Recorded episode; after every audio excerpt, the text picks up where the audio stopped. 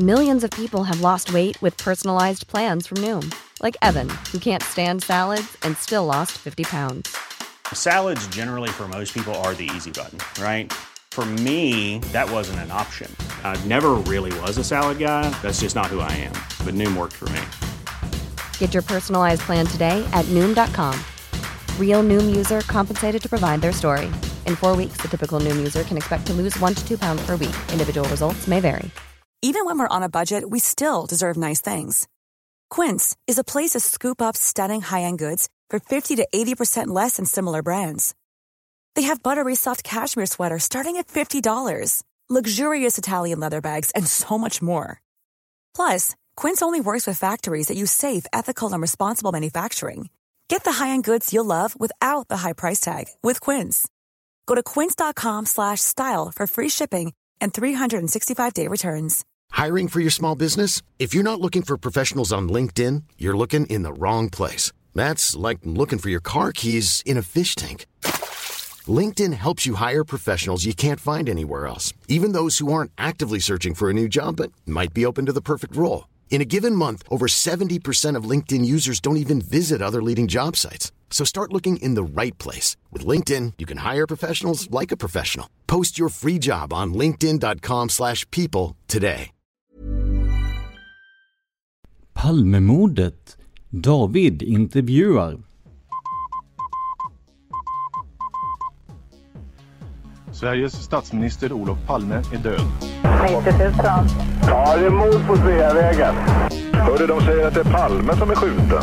Mordvapnet med säkerhet är en Smith Wesson, en revolver kaliber .357. Inte ett svar. Det finns inte ett svar. Polisen söker en man i 35 till 40-årsåldern med mörkt hår och lång mörk rock. Välkomna till podden Palmemordet som idag görs av mig, Tobias Henriksson, men framförallt av David Lyning som är med oss igen. Hej David! Hejsan hejsan! Är allt bra? Ja, allt är bara fint. Hur är det själv? Det är mycket bra, mycket bra. Vad härligt att höra. Du, vi satt ju och pratade en del för en vecka sedan och eh, så kom vi på det här att varför inte vända lite på, eh, på steken så att säga för att eh, du är ju väldigt van med att intervjua och nu kommer det här avsnittet att släppas i jultid och vi brukar ha kanske lite mer eh, lättsamt avsnitt och sådär. Så att eh, vi tänkte helt enkelt att eh, om, om ja, att du intervjuar mig helt enkelt som jag intervjuade dig förra gången för att eh, vi hoppas ju att du kan eh, vara med och intervjua i, i de stora sammanhangen igen så att säga så att vi kan eh, få höra din, dina insiktsfulla frågor sen. Ja, ja, det ska bli jätteroligt och jag har suttit och tänkt nu så här innan att vi som lyssnar på podden idogt och ofta och mycket har ju fått veta allt om Christer Pettersson och Skandiamannen och Viktor Gunnarsson. Men vi vet väldigt lite om er. Mm. Jo, men så, så kan det säkert vara. Jag eh, på den första Palmevandringen jag var på så intervjuade jag faktiskt Dan i ja, 5-10 minuter bara om lite För då kände ju inte jag heller honom lika bra utan om vad, det, vad han hade för, för bakgrund, vad han har gjort och, och hur det kom sig att han började med det här då. Eh, men nej, vi har faktiskt inte provat det greppet ordentligt innan och jag tänker ju att det blir en och jag tänker att det blir en ganska skön omväxling till de här faktaspäckade avsnitten vi brukar ha. Eh, ja, men lite mer, lite mer avslappnat, tillbakalutat sådär. Och då är det då äntligen dags för eh, våra kära lyssnare att få veta lite mer om dig Tobias. 40 eh, år ung. 40 år ung, ja det, det, de flesta dagar känner jag mig ganska ung fortfarande. och du kommer från Rödeby och det är ju faktiskt så att det finns en liten och ganska mörk historia därifrån va? Ja, men det är ju så. Eh, jag växte upp där på 80 och 90-talet och betydligt senare än så när jag hade flyttat in till den för den här regionen stora staden Karlskrona då. Eh, så, eh, så gick det ju en, en pojke uppe på Rödebyskolan som hade vissa Ja men vissa svårigheter helt enkelt. På den tiden beskrevs han väl som lätt förståndshandikappad. Idag skulle man säga någon intellektuell funktionsnedsättning eller liknande då. Eh, hans eh, sätt att vara tog ju det drog åt sig den här klicken som säkert finns på varje skola som gärna retas och, och eh, mobbas och liknande. Då. Och det här gick ju totalt överstyr vilket gjorde att det som senare kallades ett mopedgäng från Rödeby, ett löst sammansatt grupp av mopedungdomar då, eh, började trakassera den här pojken och Eh, allt från att man ja, försökte knuffa av honom från sin moped till att eh, ja, men man kallade honom massa dumma saker och sådär. Och eh, det här blev ju då upptakten till, till det som kallas för skotten i Rödeby helt enkelt. Eh, för att de här ungdomarna bestämmer sig för att åka upp till eh, pojkens bostad där han bor med sin eh, familj helt enkelt. Och eh, konfrontera dem helt enkelt och skrämma upp dem. Eh, det de inte räknade med då var ju dels att sonen i familjen, han som blev utsatt, han ringde ju genast eh, 112 eh, och sa att pojkarna är här uppe då och att ehm, ja, de hotar att slå oss och så vidare. Vad han ännu mindre hade räknat med var att hans pappa fick panik och tog fram ett, ett hagelgevär helt enkelt och sköt mot de här mobbarna eller den här löst sammansatta gruppen då som hade kommit upp dit. Så att eh, en pojke på 16 år tror jag avled och en annan blev svårt skadad då. Eh, och eh, det gav ju upphov till en, en debatt i ja, nästan hela Sverige då men framförallt eh, lokalt om hur det här hade kunnat stoppas innan. Där vissa stod på pappans sida och att eh, han hade kanske inte behövt skjuta men han försvarade med sin egendom och så vidare och, och sin familj. Eh, medan andra stod på ungdomarnas sida att ingen ska behöva utsättas för grovt våld för någonting som egentligen började som en Alltså det, det är inte, kan kalla det inte oskyldigt, kan jag inte kalla det, men något som ändå inte var tänkt att eskalera så mycket då. Att ingen ska behöva utsättas för våld på grund av det. Så att tyvärr är väl det som eh, min hemort Rödeby är har blivit ja, känd och känd för men som man associerar den med. Det har blivit lite som när man pratar om Knutby så är det Knutbyhändelserna. När man pratar om, om Rödeby då, de här små orterna som man kanske inte har någon annan större relation till. Är det någonting som har satt sin prägel på orten efter det eller? Alltså när, när det här hände så hade jag flyttat därifrån men att det var, det, det satte ju sin prägel dels i en, en, en stor, alltså vad ska vi säga, krisberedskap på något sätt. Och också som sagt i slitningar där folk inte riktigt visste vilken sida man skulle stå på. För ingen sida hade gjort rätt, men båda sidor gick att förstå i, i, i på något sätt. Eh, jag vet inte hur, hur mycket det har levt kvar i eh, det kollektiva minnet efteråt, men eh, jag pratade ju med eh, Eh, lokalpolisen uppe i, i Rödeby i en intervju för en massa år sedan. Och det visade ju sig att de hade fått in en väldig massa anmälningar mot framförallt pojkarna. Men det hade i stort sett hamnat på hög och sen hade man sagt till pojkarna att inte busköra i byn och sånt där. Och så hade det... Det hade inte blivit så mycket mer med det liksom. Så jag tror att det blev ett sår på så många sätt där. Eh, dels genom själva händelsen, dels genom det som ledde upp till händelsen och dels genom att ingen vuxen faktiskt reagerade på ett adekvat sätt. Du sa att vid det här tillfället så hade du flyttat ifrån och det blir ju en alldeles utmärkt segway in till nästa del, nämligen när jag läser vad du har gjort så har du gjort en väldig massa så jag förstår att då kanske inte Rödeby är tillräckligt stort. Kan du berätta lite om vad du har gjort? Nej men så, så här är det att eh, alltså Rödeby är som sagt är en liten, en liten ort norr om, om eh, Karlskrona och den är inte speciellt stor. Närmaste stad är ju just Karlskrona. Eh, och eh, ja, om man ser till vad jag har gjort i, i, så att säga journalistiskt och så, så är det ju jag började ju på eh, lokaltidningen då. De sökte någon som kunde åka ut och eh, bevaka sportevenemang. Eh, allt från fotboll till hästhoppning till jag vet inte allt det var för någonting. Eh, ett eller ett par uppdrag i veckan bara sådär. Så det var inte någon Det var inte något jättestort men det var kul. Eh, jag, jag fick titta på idrott och fick betalt för det. Eh, och det, det är liksom, ja det, det känner ju du till David att det är ju, det är ju en, ja precis, det är ingen dum bra. grej. Nej. så att, och sen så blev det så att lokalradion hörde av sig, eller de annonserade väl ut någon tjänst. De behövde en kombinerad programledare och eh, sportreporter då och eh, jag tänkte att det, det spåret hade jag ändå varit inne på när jag skrev. Så att då kan vi prova det här med radion då.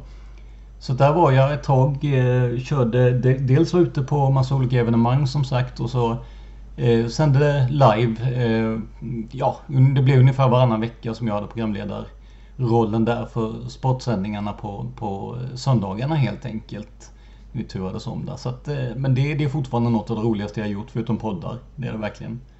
Eh, många som har hållit på med radio är ju sådana som sen har hoppat över till poddar. Tycker du också att det är på något sätt en, eh, det naturliga steget? Ja, men det, det, det tycker jag. Det, det man jobbar med rösten, du, du jobbar med ett, ett, ett manus där du liksom ska få fram en, en historia och sådär. Jag kan absolut tycka att, att det finns en fördel i det. Nu var det länge sedan som jag var på, på radion, men just den här ehm, ja, men miljön och stämningen med det på något sätt, den, den tycker jag jag har nytta av även när jag kör, eh, när jag gör poddar helt enkelt. Du har ju inte bara eh, Palmemordspodden då som vi kommer att komma in mer på lite senare här. Men du håller ju på med mycket olika poddar och eh, detta under paraplynamnet PRS Media. Och nu är jag hemskt nyfiken på vad det där PRS står för. Ja, jag får ju den frågan ibland och, och, jag, helt ärligt, när jag skulle skapa ett någon form av företagsnamn då, bara för att ha någon eh, identifier liksom, så folk skulle veta vad, var allting kom ifrån då. Så eh, jag hade väl inga sådär bra idéer. Du vet, eh, Tobbes media låter kanske lite bondigt och sådär, jag vet inte men då tänkte jag, vad vill jag stå för eh, med det jag sänder ut? Jo, jag vill att saker och ting ska vara eh, proffsigt gjorda. Eh, att eh, det ska vara roligt att lyssna på och det ska vara sant det som sägs. Och då tog jag första bokstaven i varje av de här ledorden. Proffsigt, roligt, sant. PRS. Och så blev det PRS Media då. Behöver inte vara svårare än så. Nej, men jag, jag tänker att det... När man väl vet det så, så kan man liksom... Ja, då ser man att det fanns en tanke bakom det i alla fall. Och så hoppas jag att, givetvis att att jag lever upp till de ledorden men eh, det, det, det, känns så hittills i alla fall. Jag har ju ofta tänkt på också att börja podda och jag tror väldigt många, det är ju det är väldigt populärt det här med poddar. Men det är ju så jättemånga olika parametrar man ska tänka på, vad man ska podda. Och jag har alltid undrat, hur gör man avvägningen? Vad vill jag podda? Och vad tror jag att folk vill höra? Hoppas man bara att det sammanfaller eller? Ja, alltså i mitt fall så var det ju i mitt fall var det så enkelt att det sammanföll. Det, det vill säga, jag... Eh, ja, i, i korthet så gjorde vi i podden Palmemordet en serie som hette äh, Mytmosarna. Hette den. Och där vi försökte då antingen bekräfta eller eh, avfärda myter inom utredningen. Och det här tog jag med mig till en egen podd som heter Tänk om. Där granskar konspirationsteorier och myter i ett större perspektiv då.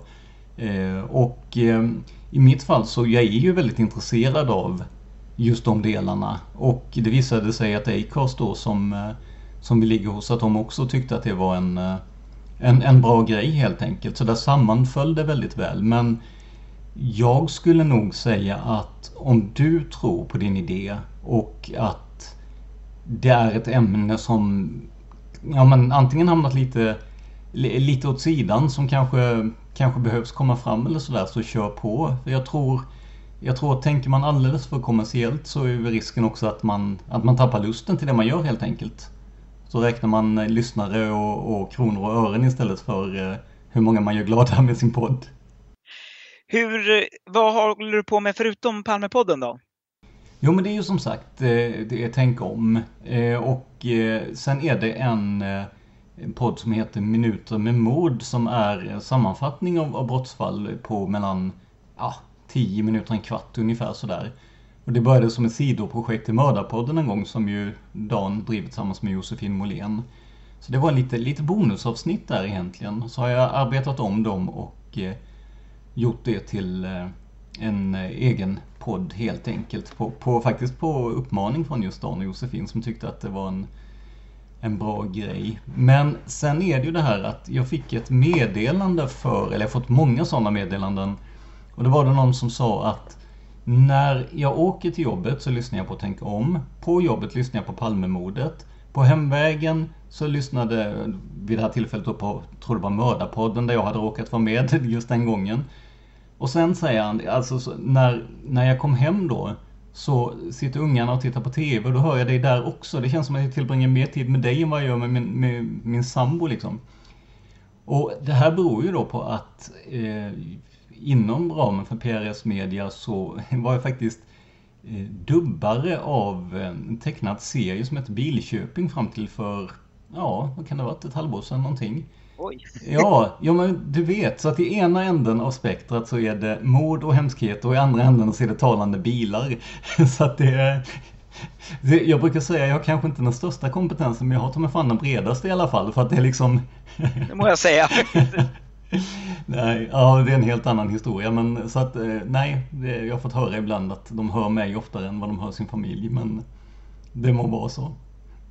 Så kan det vara.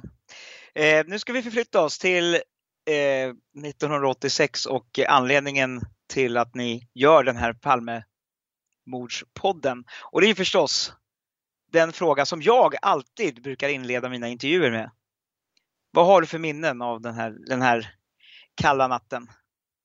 Ja, alltså jag är född 1980 så att jag, eh, jag, jag var faktiskt bara fem år för jag fyllde i augusti men jag är på väg att fylla sex år.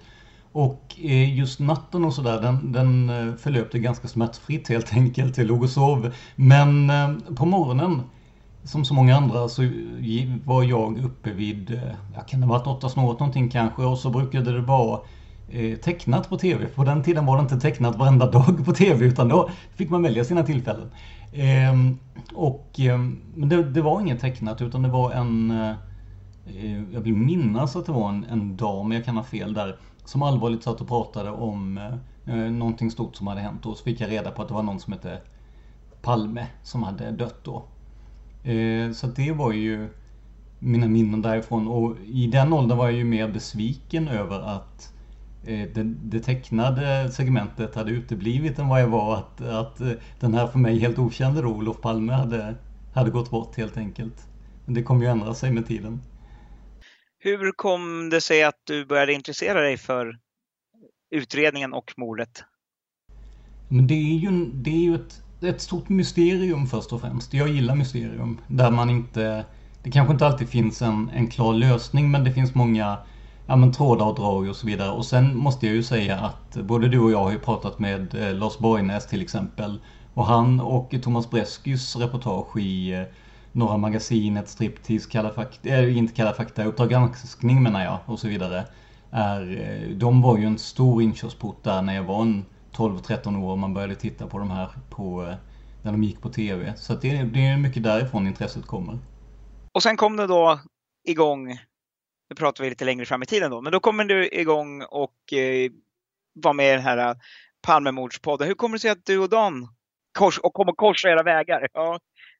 Nej men det var så här att eh, jag eh, jag hade bott nere i, ehm, i Skåne, nere i Malmötrakten i några år. Jag hade jobbat på TV4 där och eh, familj och barn och hela där kittet. Eh, vi flyttade tillbaka till Blekinge och eh, tyvärr så eh, kom vi sen att gå skilda vägar och eh, det här var 2017 och jag var lite sådär eh, Nej men det var ju väldigt sorgesamt givetvis. Samtidigt så hade jag väldigt mycket tid som jag inte riktigt visste vad jag skulle göra av. Och så tänkte jag att nu när, nu när det liksom har blivit en nystart på alla fronter då. Så nu, nu ska jag göra någonting om, om Palmemordet som jag är så intresserad av. Och så ska jag sälja in det till, ja, jag vet inte, antingen någon tidning, någon artikel eller till radio då. Och då har jag alltid hört att man ska gräva där man står. Så att eh, jag började ju titta på vad vi hade för kopplingar till eh, Palmemordet runt om i, ja men framförallt i Blekinge. Och då har vi ju Viktor Gunnarsson som bodde utanför Karlskrona då. Eh, och vi har också eh, tidigare journalisten Anders Leopold som bor i, eller som bodde ska jag säga, i Eringsboda i Ronneby kommun då. Så att jag tänkte att det där hade varit kul att göra någonting på. Och sen lyssnade jag ju på Dans podd och då hade ju han hamnat i i stort sett samma situation att eh, det var ett, ett förhållande som har tagit slut, han var tvungen att flytta och så vidare. Han berättade i podden att han kanske inte skulle hinna ja, men, hinna göra mm, avsnitt varje vecka helt enkelt. Så att det jag gjorde var ju att jag tog och eh, mejlade eller skickade något meddelande till honom. Och så sa jag det att jag har ändå en, jag har ändå en liten plan här. Jag får tag i Anders Leopold och ska intervjua honom förhoppningsvis i, i Ronnebytrakten. Och eh, jag har några avsnitt eh, tilltänkta då om, om Viktor Gunnarsson. Så att om du vill så får du de här avsnitten av mig att köra i podden. Och skulle det sen vara att du tycker att jag är vettig så kan, vi ju, då kan man ju prata liksom om, om, alltså, om vi ska skriva något kontrakt eller liknande. Men det var, det var faktiskt på den vägen det var. Sen visade det sig dock att eh, vår kära Anders Leopold, han hade flyttat ifrån Neringsboda. Alltså han hade sitt sommarresidens på, eh, eller uppe i Norge rättare sagt, och vinterresidenset på Kanarieöarna. Så att eh, jag funderade lite på vad jag skulle göra där, men så tänkte jag att jag behöver ändå, nu har jag inte haft semester på ett antal år för det var, det hade varit mycket med jobb och sånt där då. Så att jag tog och satte mig i bilen, körde upp till Strömstad tror jag det var, åkte över till Norge, intervjuade Anders Leopold, fick en väldig massa dokument eh, från utredningen. Eh, och där blev då tre avsnitt i podden Palmemordet. Så att på den vägen var det helt enkelt.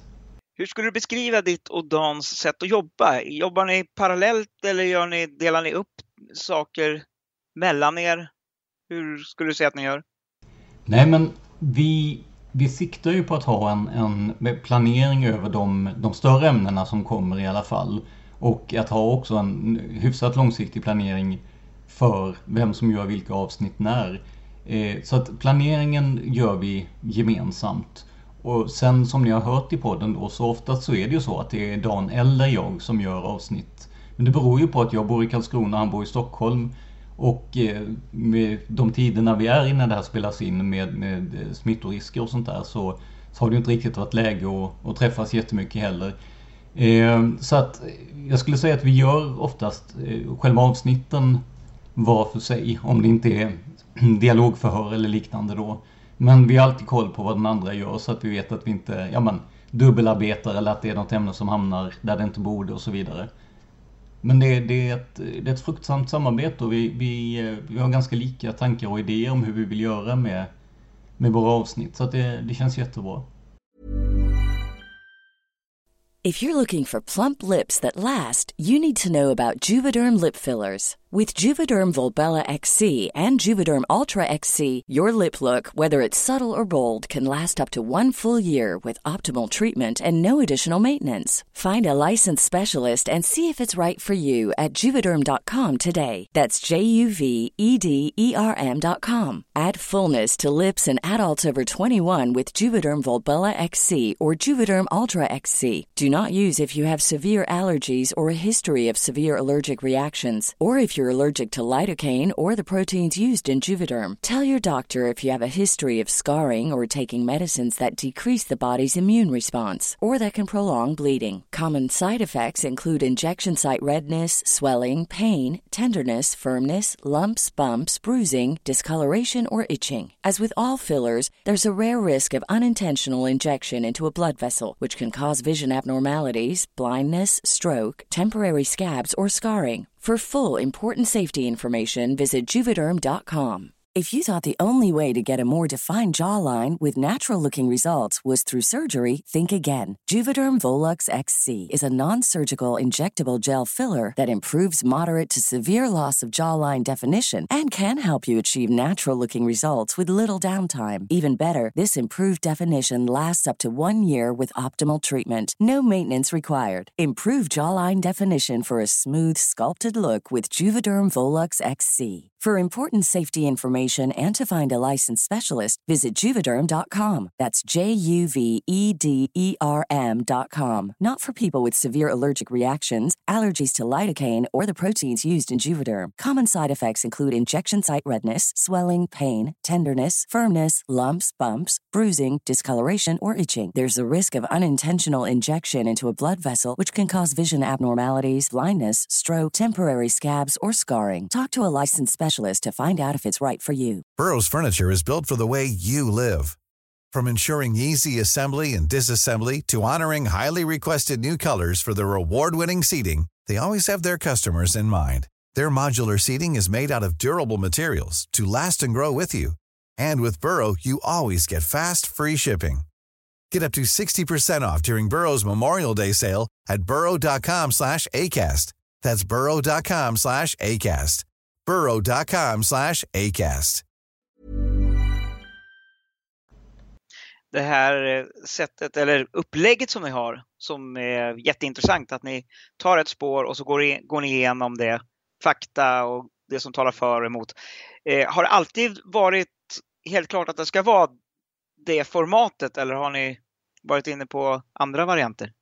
Ja, det var ju, det var faktiskt innan jag kom in som det formatet började så att i, jag kan inte riktigt svara på det. Så länge jag har varit med så har vi nog alltid varit inne på, på det formatet i alla fall. Just att man Ja men att på något sätt försöka gå så mycket till botten som möjligt med ett avsnitt utan att nödvändigtvis behöva lägga in massa teorier och annat utan att kanske försöka hålla sig till, till den fakta som finns och de dokument som finns. Eh, så att eh, jag, jag, tror ändå att, att på något sätt så det blev väldigt uppskattat. Jag tror att något av de första spåren Dan gjorde var väl eh, Christer A vill jag minnas eh, som blev som blev väldigt uppskattat och jag tror att vi, där hittade vi lite formen ändå, eller han vid det tillfället men senare vi då.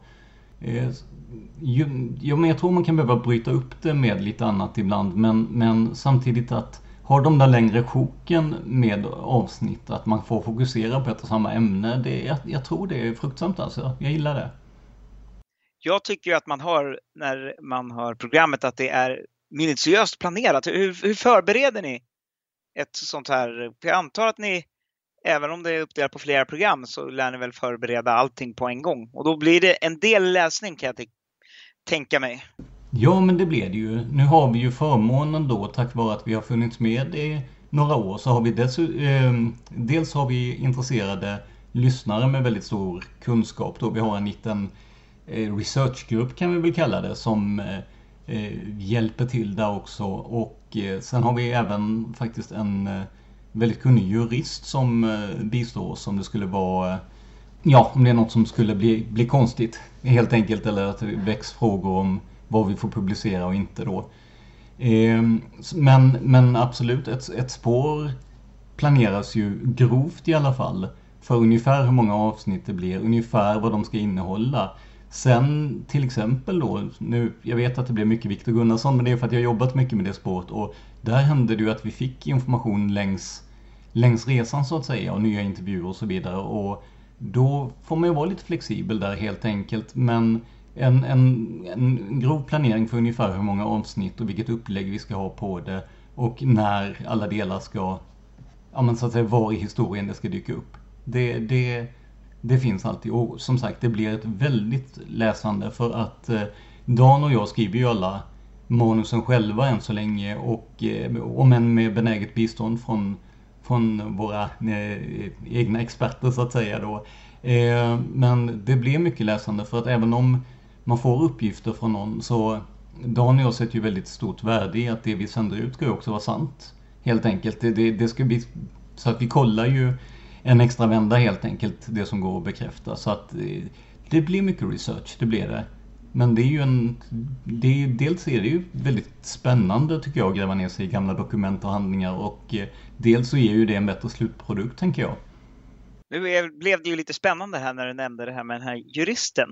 Har ni varit i någon situation där juristen antingen fått säga stopp eller ja, där ni har haft en mer ingående diskussion om någonting som ni sen kanske har fått refusera?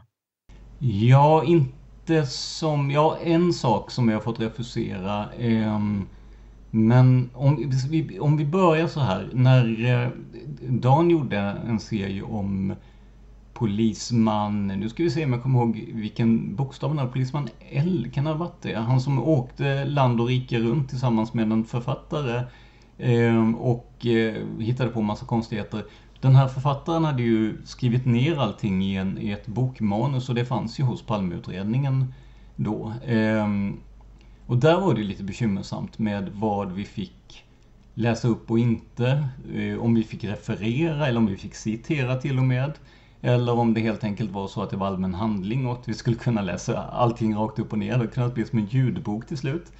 Eh, så där hade vi väldigt stor eh, eh nytta av honom och det landade väl i, i eh, att eh, ja, citatregler helt enkelt. Man får citera korta stycken för att sammanfatta eh, händelserna i boken men inte några längre passager som vi kunde läsa upp då. Så att det hade ju inte, i alla fall inte jag och jag tror inte Dan heller hade ju riktigt koll på exakt vad som hade gällt där. Så där var det till stor hjälp.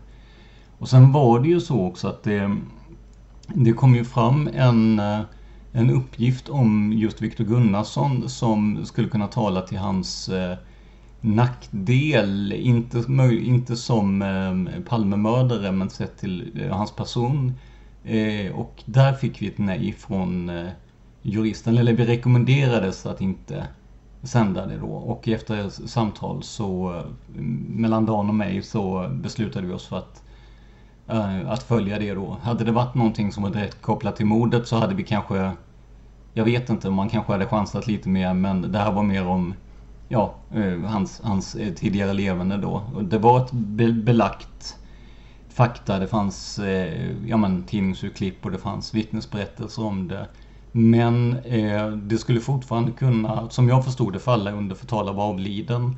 I och med att personen i fråga är ju död och man får inte utsätta honom för eh, missaktning. Det var någonting i den stilen. Jag trodde ju att om man kunde styrka att det var sant så skulle det vara okej okay, även om personen var avliden då. Men, eh, så att ja, det har varit några tillfällen då vi har haft väldigt stor hjälp av, av den här personen, absolut. Olika teman och olika personer har ju ni tagit upp i podden. Vad är, har ni satt några kriterier för vad, vad, vad som gäller för att det ska få bli ett tema? Ja, alltså de, de, längre spåren är ju satta utifrån att, att det finns material till att det ska bli ett längre spår. Det är egentligen, det är egentligen inte mer komplicerat än så. Eh, sen hade vi ju en... Eh, vi hade dem som mål på Patreon så att eh, om vi nådde upp till en viss sponsring då så kunde vi ta oss an ett nytt spår och så vidare. Och det var ju det som hände med när vi kunde börja lite med polisspåret och sådär. Att eh, det, det, är väldigt ofta man tjatar om det här med men ni kan sponsra och donera och sådär. Men vi är två personer som jobbar. Dan jobbar ju heltid och jag eh, deltid med det här. Och dessutom så, eh, ja, det kan hända att man behöver beställa ut material och så vidare. Så det är ju ändå lite, lite omsättningskostnader sådär. Eh, så att eh, eh, men om då själva kriterierna är ju att det ska finnas ordentligt material. Det ska vara ett spår som faktiskt har förekommit i utredningen. Som inte, det ska inte vara liksom en löst teori från vem som helst utan det ska ändå finnas någon form av, av belägg för det. Eh, och eh, ja men sen att det går att göra i poddformat, det är också ganska viktigt. Är det någon som skickar in 20 olika bilder på misstänkta så kanske det är svårare att rapportera om i, i, i vårt eh, format då men eh, ja, ungefär där. Nu har ni gått igenom så många olika spår. Har det varit i någon av programmen som ni har stött på att ni har hittat någon riktigt skop? Så, så att det liksom, ja ni känner att det här är hett. Alltså, um, mm, nu får jag tänka efter lite. Mm, nej, alltså inte, jag kan nog inte påstå att jag stött på något sånt. Alltså jag tyckte ju att det var vansinnigt spännande då när jag fick eh, ta del av alla de här mapparna som jag sa från Anders Leopold med, med omaskade dokument direkt i utredningen. Och eh, men några direkta, inte något jätteskop så kan jag inte påstå. Eh, utan det som, det som kunde blivit ett skop, det var ju sånt som personer hade rapporterat till Palmeutredningen men som det inte fanns några belägg för. Till exempel att man hade sett Viktor Gunnarsson med en, en revolver eh, och så vidare då. Eh, men eh, vad jag förstår så, Dan är ju ändå så att säga ansiktet utåt mycket för, för podden och han har ju drivit den sen, från början då och Eh, det finns väl eh, kanske en och annan sak som eh, som är lite, ja men om inte annat så lite oväntade som jag förstår på honom. Vi, eh, vi pratar inte jättemycket om exakt vad det är men jag tror att det kan komma lite saker som folk kanske inte förväntar sig, absolut. Men eh, det där riktigt stora skopet, det, jag tror att hade vi fått det så hade säkert någon annan sett det innan och så hade det blivit ett skop i, den, i, det sammanhanget då så att säga. Men eh, nej, det är inget, inget sånt där jätte som jag snubblat på. Har det kommit in några uppgifter som har gjort att ni har fått ändra om i program, i avsnitt ni håller på med för att det har blivit andra förutsättningar?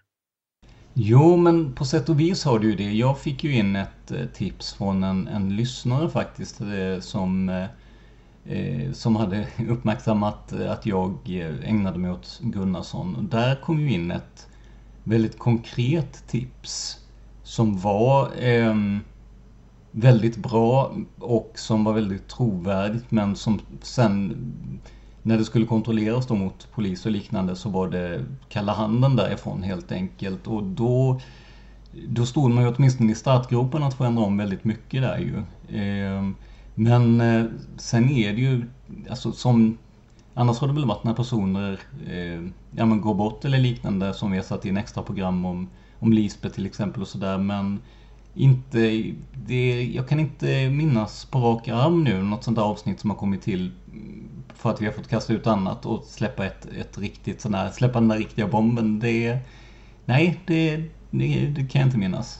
Som sagt, vi har pratat om väldigt många spår och vi har pratat om personer och så. Eh, har ni på något sätt varit i kontakt med eller talat med eller fått eh, input ifrån folk som har jobbat med det här? Utredare, åklagare? Ja, journalister har, vi, har ni ju pratat med i form av Borgnäs och Gunnar Wall och så. Det har ju visat sig ganska besvärligt. Nu är det så här att jag är ju eh, ja, Dan tycker att jag är, är, den som ska intervjua helt enkelt. Eh, Dan trivs bra bland, eh, nej men framför sin mick och med, med eh, researcharbete och sådär då. Eh, och vi har ju fått väldigt massa förslag på gäster att intervjua och vi har hört av oss till till samtliga de inklusive personer som har varit i utredningen eller som nu är i utredningen då. Det har blivit ganska många nej tyvärr. Eh, det känns som att det fortfarande är lite av ett öppet sår. Likadant så eh, tidigare spaningsledare i övrigt och sådär eh, har ju inte... Nej, det, det, har blivit kalla handen helt enkelt. Det närmaste vi kom var väl Christer Petersson då, de där berömda sju minuterna i efter, efter lösningen här då. Eh, sen eh, gjorde ju eh, Thomas Jutanäv eh, en intervju med Kai Hane som vi fick ta del av. Eh, och den, den, den, den, om du skulle fråga mig om en intervju som jag kanske skulle ångra att vi körde så skulle det nog varit den och det var för att vi eh, senare fick reda på att eh, Kajane eh, drogs med vissa hälsoproblem helt enkelt och eh, eh, som ja, eventuellt skulle kunna påverka eh, minnet och sådär. Och då känns det kanske inte helt rätt att, att, att köra ut det. Men Kajane var ju ändå en, en, en, utredare från den tiden då det hände så att det kändes viktigt av den anledningen. Men i övrigt så har det varit, tyvärr så har det varit mycket nej därifrån. Likadant från folk som har ja, men, eh, gjort officiella utredningar och liknande kring det här. Så kom då den här eh, presskonferensen i somras som eh, utlovade så mycket och hade hållit alla vi som är intresserade av Palmeutredningen på halster så länge. Och ja, vad säger du? Vad var din upplevelse när du hade sett klart det där? Ja, nej men alltså hela den, jag skulle säga att de det var en hysteri innan till att börja med och där var det ju eh, jag vet att eh, Dan eh, hade fått ett samtal från New York Times bland annat och, och blev tvungen att tacka nej för han skulle sitta med i typ någon tv-studio eller vad det var för någonting och sådär. Så att vår, vår kära filmskapare Skip Mosara han säger det att han, han kallar alltid Dan för mannen som tackade nej till New York Times då.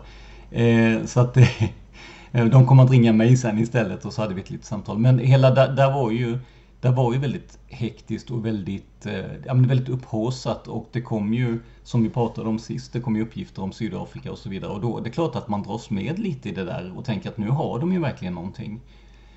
Men det var ju inte riktigt så. Eh, jag får nog säga att luften gick ur på ett sätt för att det hade varit skönt att få någonting, någon liten del som man kunde ja, kanske om än inte en lösning, någonting man kunde dra lite, i, i lite trådar liksom och se om det kunde komma fram någonting. Samtidigt var det ju också på ett sätt bra för podden då för att nu kan vi fortsätta att göra massa avsnitt för att det, det, det är liksom inte Ja, vi, vi har ingen direkt knuten till mordet. Vi har en, en, en enligt utredningen starkt misstänkt då men eh, Så att det var både positivt och negativt. Jag trodde de skulle ha mer på fötterna. Men samtidigt så, eh, så gjorde det att podden fort, kan fortsätta och, och granska olika spår då, utan att, att det känns utdaterat.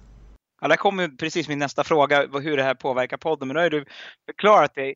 Men innebär det, innebär det att man gör, får göra ett, någon slags nytag eller försöka se på det med annan infallsvinkel? Eller är det helt enkelt så att det finns en marknad nu för jättemånga som fått ett ny, nyöppnat intresse för det här så man kanske måste ta det lika grundligt och ungefär som förra gången? Ja, nej men jag tänker att när det gäller vår, eh, vår, vårt poddande så att säga så, så vi, vi följer ju samma mall som vi har gjort tidigare. Det som har kommit till nu då det är ju att vi får lägga ett visst fokus på Stig Engström som vi kanske inte har gjort innan. Vi måste på något sätt Det är ändå den lösningen som har presenterats och då, då måste vi också sätta honom i ett sammanhang där han eh, Eh, där man utgår från honom som, som gärningsman helt enkelt. Eh, så att, eh, ja, men jag tänker att i övrigt så så tänker jag att vi nog kan löpa på ganska,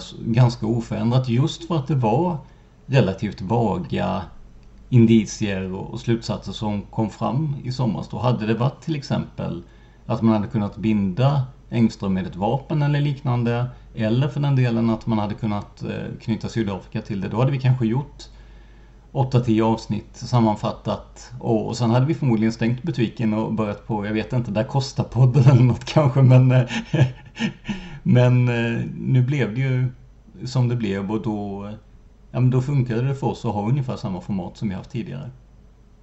Sett till vad som presenterades, eh, har du samma bild av eh, Stig Engströms eh, inblandning i det hela som du hade när ni gjorde programmen? Ja, alltså jag, jag, känner ju inte att jag har fått någonting mer till livs genom presskonferensen. Det tycker jag ju inte. Utan det som i så fall öppnade ögonen för mig det var väl eh, Thomas Petterssons eh, bok och likadant eh, ja, artiklarna i Filter och så vidare.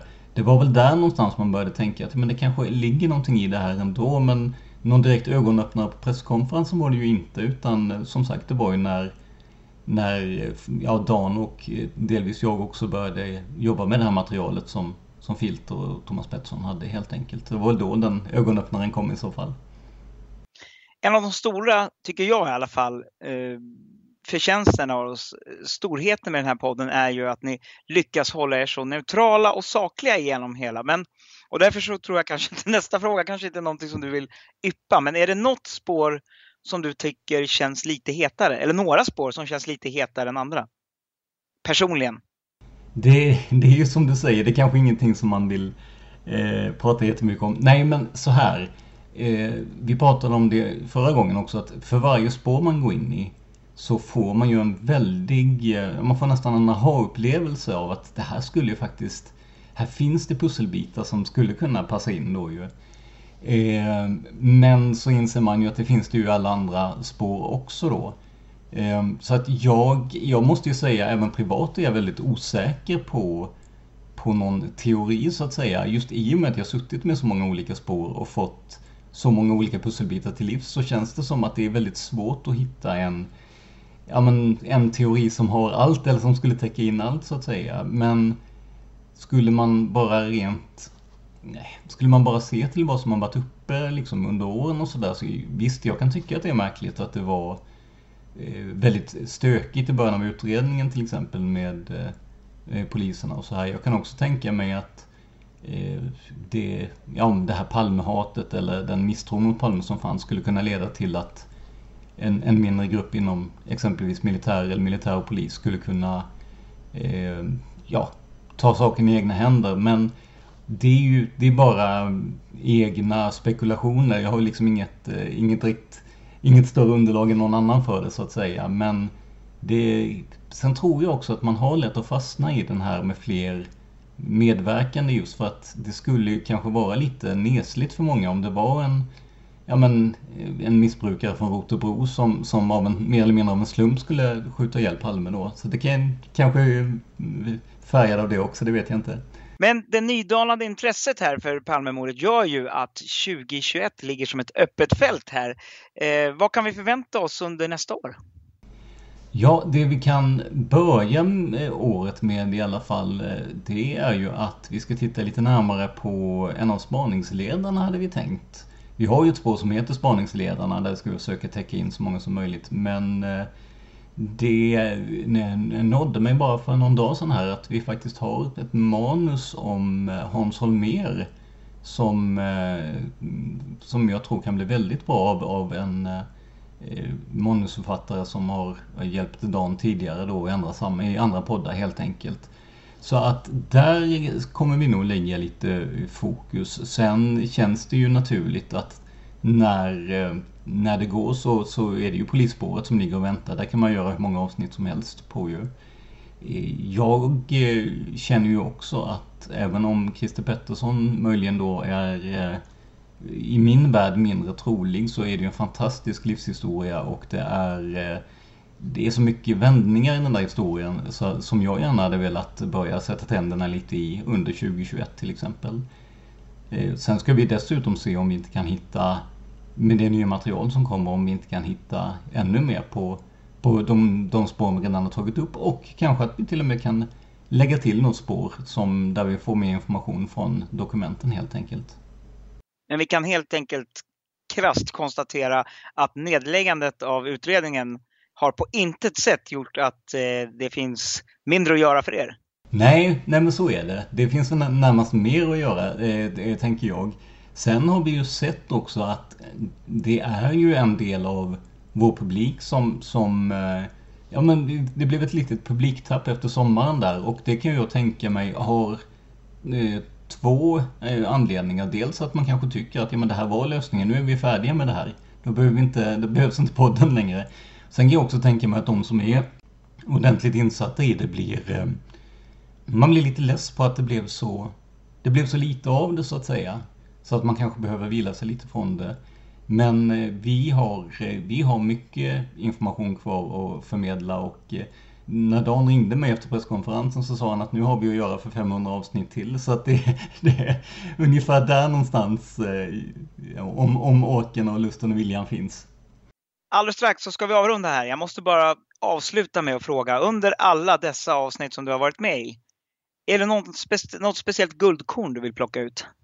Eh, det finns, eh, ja men alltså rent journalistiskt tycker jag att det var ett, ett guldkorn att vi som en relativt liten okänd podd utanför Palme-gänget så att säga då, att vi ändå fick en, en intervju med Christer Petersson. Det tycker jag är, det tyder ju ändå på att vi har en viss genomslagskraft. Ehm, så att eh, det, det där var ju också en av de märkligaste intervjuerna för att den här intervjun fick jag på en dag när jag satt utkörd lastbil i mitt, mitt, så att säga, mitt, mitt brödjobb som jag säger då. Eh, vilket innebar att jag, jag satt med bärbar dator, ljudkort och en sån här liten mygga på eh, skjortan och intervjuade honom på en rast i en lastbil någonstans i Karlskrona kommun. Där dessutom hans, eh, nej förlåt, mitt ljud försvann från inspelningen då. Så att jag fick läsa in frågorna till honom igen. Tack och lov hördes ju hans röst så att det, det gick att köra. Men det tycker jag. Eh, sen, sen finns det ju många sådana här ehm, eh, jag tycker till exempel att intervjuerna med Thomas Pettersson och Gunnar Wall har blivit eh, riktigt bra. Men det beror ju också på att de är väldigt sympatiska personer att ha att göra med. Så att det, det ska vi inte bara lägga, lägga på, på mig så att säga. Men, men det är några av de guldkornen, absolut. Då hoppas vi att det blir fler guldkorn under 2021. Men nu ska ni få ta lite jullov, hoppas jag och vila upp er inför det som komma skall. Tack så mycket Tobias och eh, som sagt, gott nytt år och god jul och hoppas att 2021 innehåller lika mycket nya spännande avsnitt som 2020. Tack så mycket. God jul, gott nytt år! Det var allt vi hade att bjuda på för den här gången, men vi kommer såklart tillbaka nästa vecka med ett nytt avsnitt. Stort tack till David som gjorde det mesta av det här avsnittet. Glöm inte att du kan sponsra oss genom att gå in på patreon.com palmemodet och donera en summa som podden får per publicerat avsnitt. Det är alltså patreon.com palmemodet. Om du tycker det är lättare att swisha, kontakta oss på facebook.com palmemodet så skickar vi in numret. På just Facebook får du dessutom veta mer om podden och vi försöker också att dela saker som rör utredningen där. Så titta gärna in, du med! Det här var veckans avsnitt av podden Palmemordet som idag gjordes av David Lyning. För redigeringen stod jag, Tobias Henriksson, på PRS Media. Vill du veta mer om mig och mina projekt? Besök facebook.com prsmedia.se eller gilla oss på Instagram där vi heter prsmedia, ett ord, små bokstäver. Vill du komma i kontakt med David så hör av er på vår Facebook-sida så förmedlar vi kontakten. Till sist, hoppas att alla ni lyssnare får en riktigt god jul och ett gott nytt år. Vi lovar, som ni hörde i avsnittet, att 2021 ska bli ett minst lika bra poddår som det året som gått. Stort tack till alla som stöttar oss på olika sätt, men framför allt Stort tack för att du lyssnar på podden Palmemordet. Man hittar Palmes mördare om man följer PKK-spåret till botten. För att ända sedan Julius Caesars tid har det aldrig hört talas om ett mord på en framstående politiker som inte haft politiska skäl. Polisens och åklagarens teori var att han ensam hade skjutit Olof Palme. Och det ledde också till rättegång. Men han frikändes i hovrätten.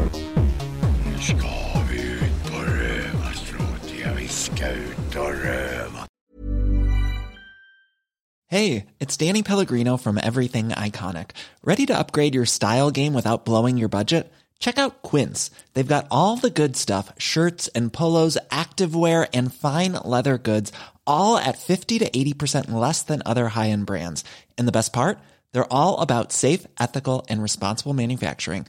Get that luxury vibe without the luxury price tag. Hit up quince.com slash upgrade for free shipping and 365 day returns on your next order. That's quince.com slash upgrade. Normally, being a little extra might be a bit much, but not when it comes to healthcare. That's why United Healthcare's Health Protector Guard fixed indemnity insurance plans, underwritten by Golden Rule Insurance Company, supplement your primary plan so you manage out of pocket costs. Learn more at uh1.com. Even when we're on a budget, we still deserve nice things. Quince is a place to scoop up stunning high end goods for 50 to 80% less than similar brands. They have buttery soft cashmere sweaters starting at $50, luxurious Italian leather bags, and so much more. Plus, Quince only works with factories that use safe, ethical, and responsible manufacturing. Get the high-end goods you'll love without the high price tag with Quince. Go to quince.com/style for free shipping and 365-day returns.